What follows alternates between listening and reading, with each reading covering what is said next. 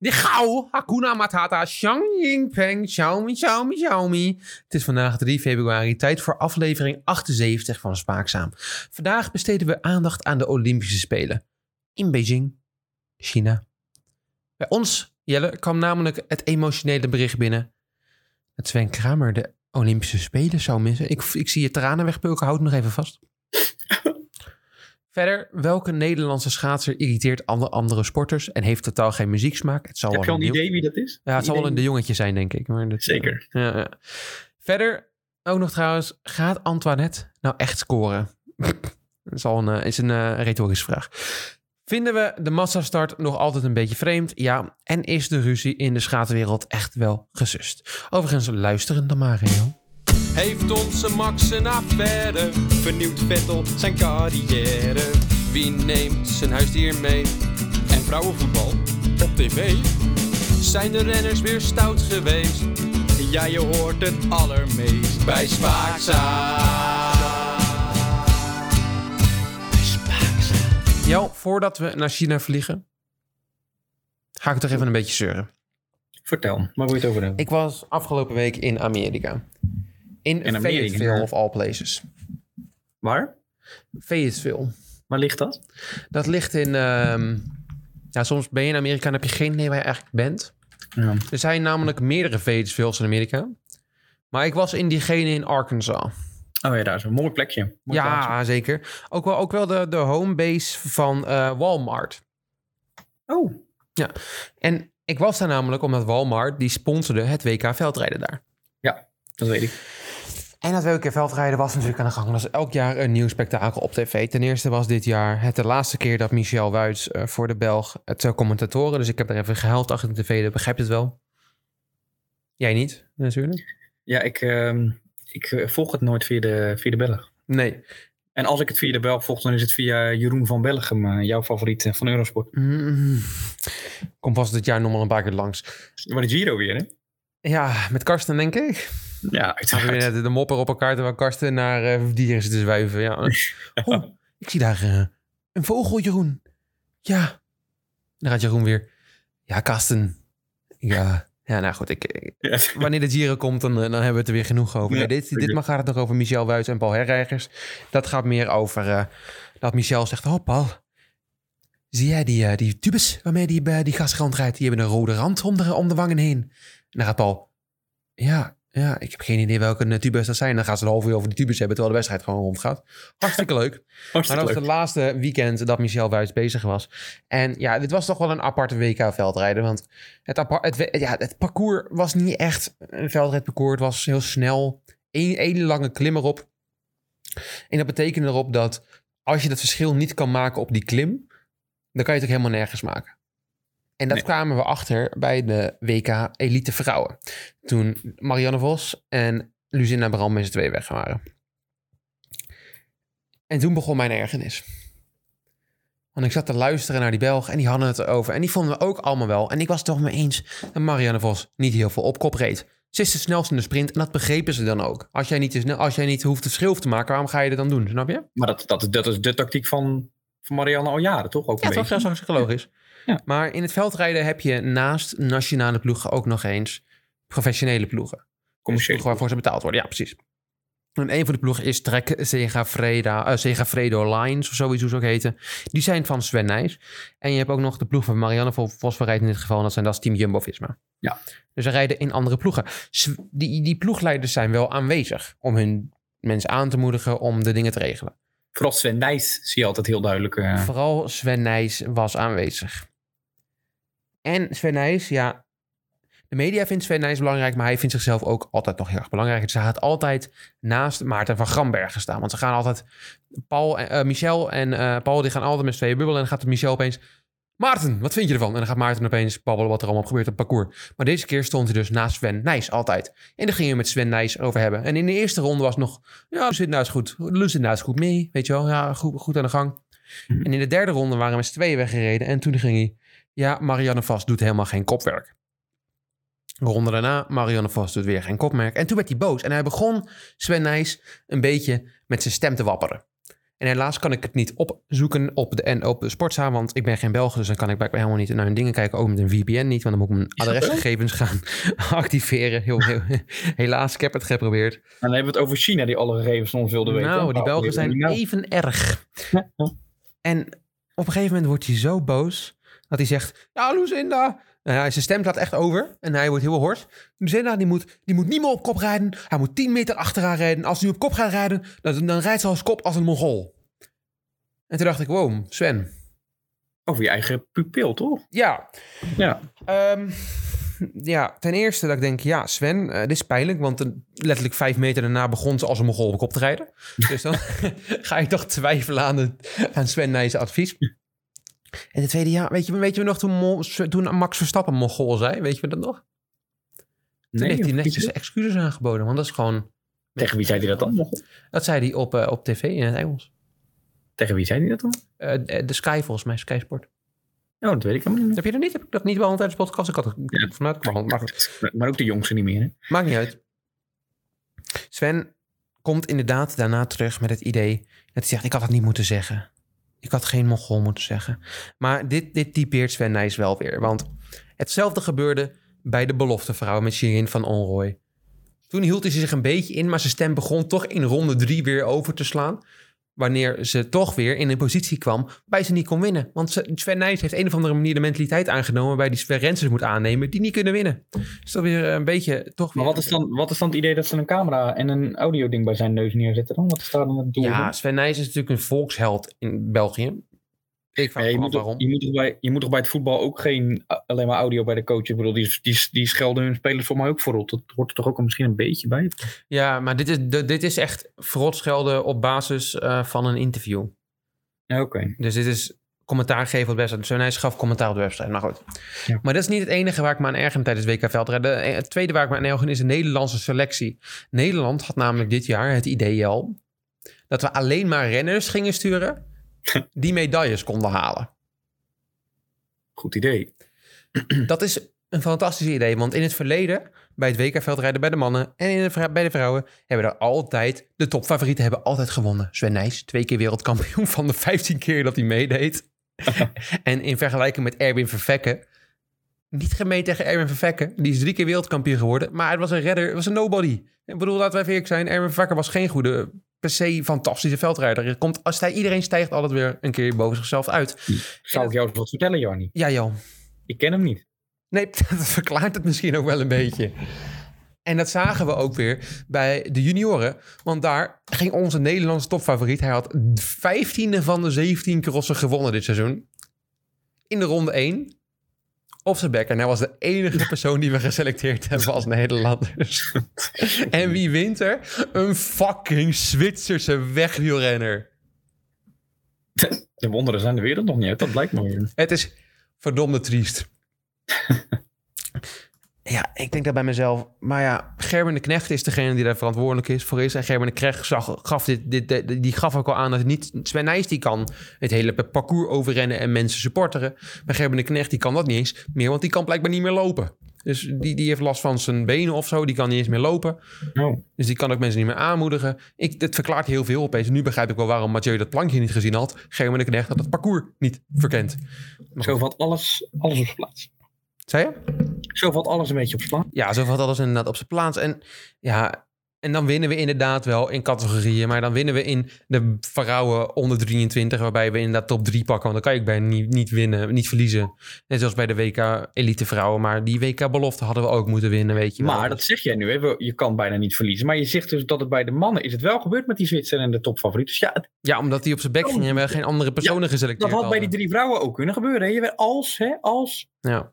Ja, maar goed, dan snap ik toch steeds niet helemaal het selectiebeleid niet helemaal. Want Corné van Kersel, die dertigste werd bij de mannen, is wel geselecteerd. En die kan ja, ook dat snap ik ook. Nee, maar sowieso die mannen, de, de, de elite mannen, dat Lars van der Haar heeft het eh, leuk gedaan. Maar de rest... eh, Ja. Ik heb trouwens nog, eh, of je nog even twee seconden wil genieten van het Nederlandse commentaar.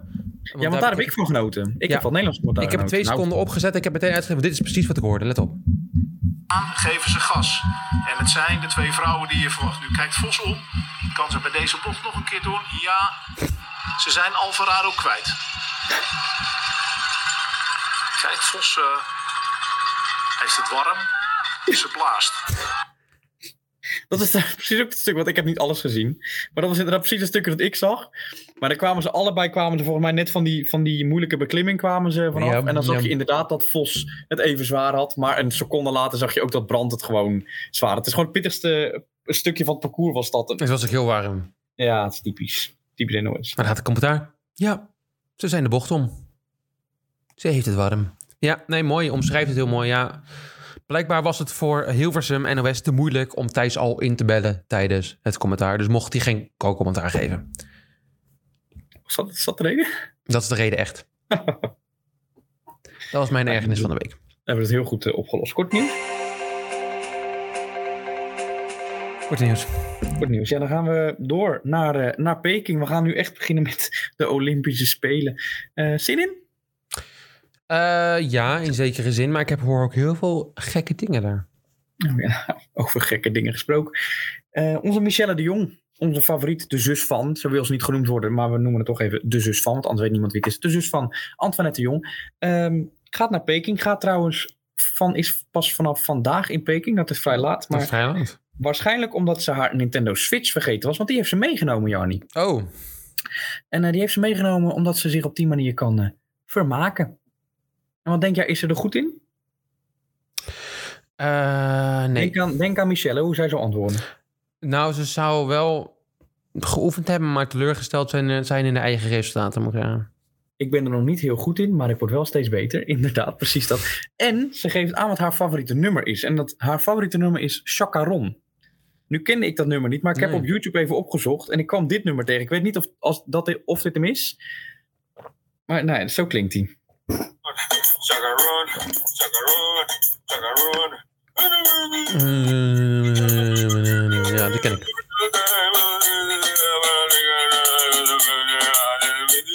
Chacaron. Ah, Jo, je wist het niet, maar dit nummer is gezongen door Frank de Boer.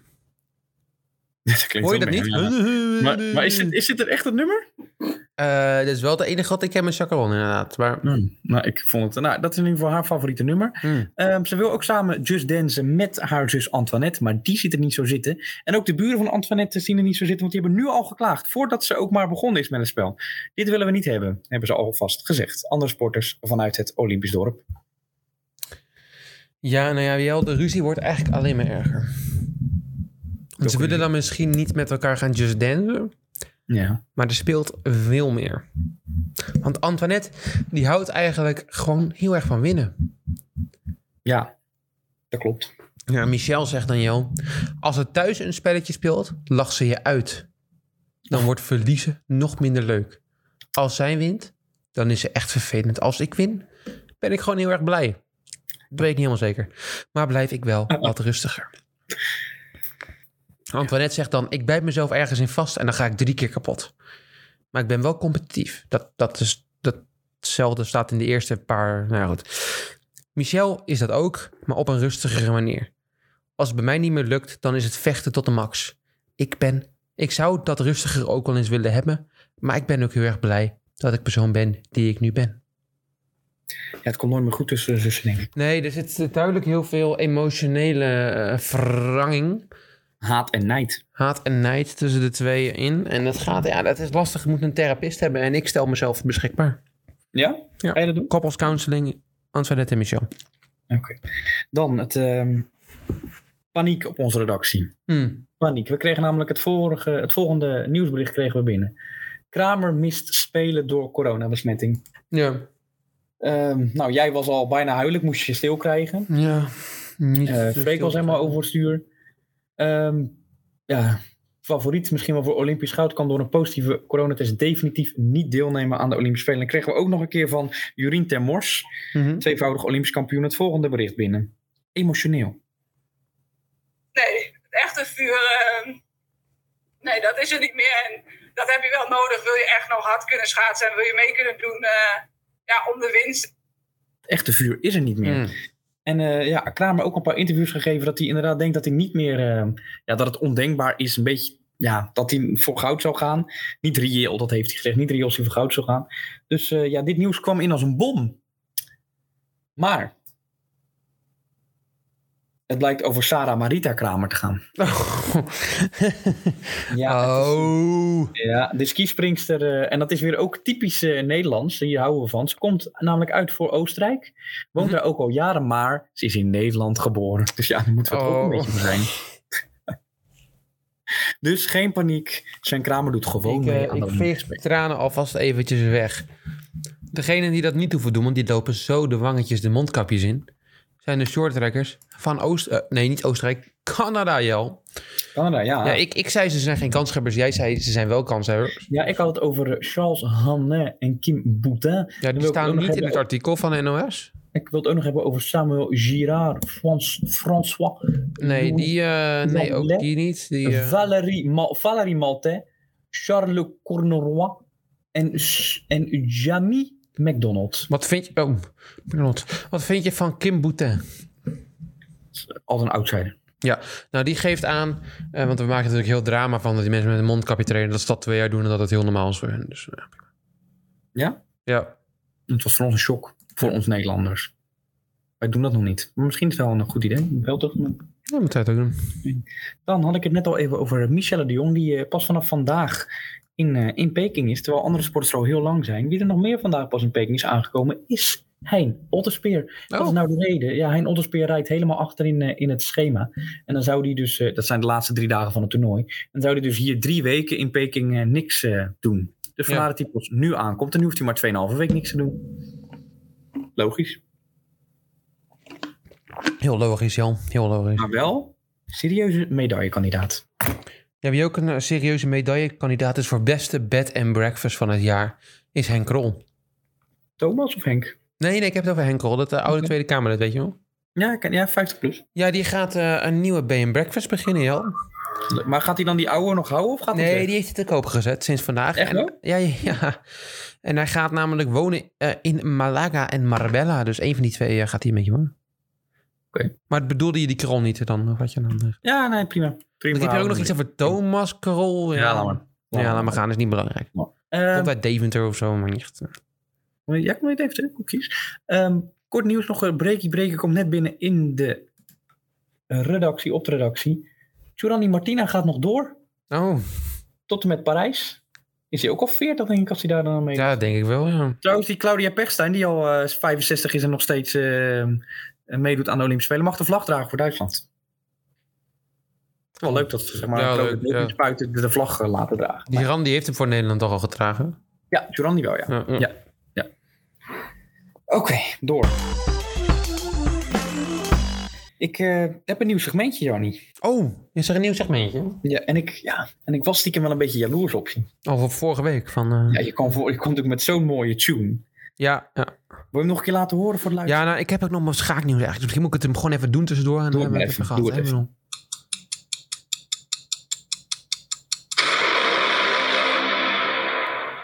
Jarnie Schaakhoekje.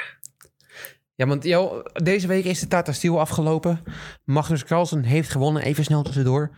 Eh, mag maar, Magnus Carlsen nog steeds niet die 2900 punten. En overigens, dat kandidaten eh, die zich over, op, ja, moeten kwalificeren voor eh, de WK-kandidatentournament.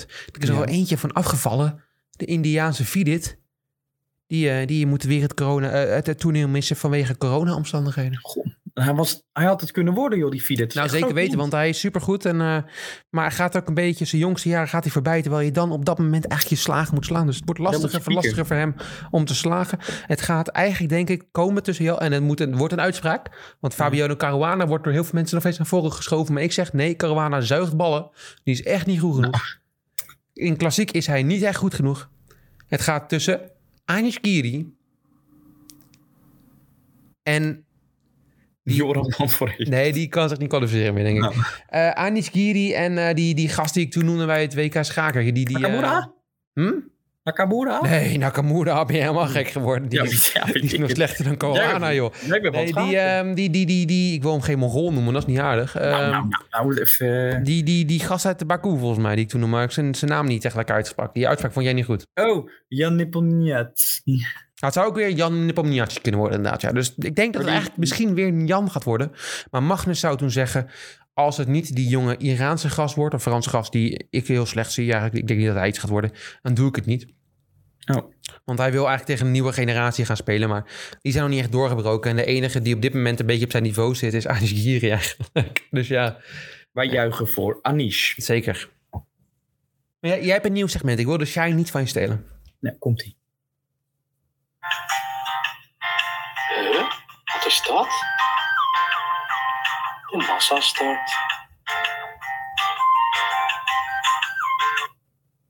Huh, wat is dat? De massastart. Ik dacht, we leggen even een, eh, een moeilijke sport van de Olympische Spelen, Winterspelen, leggen we even uit.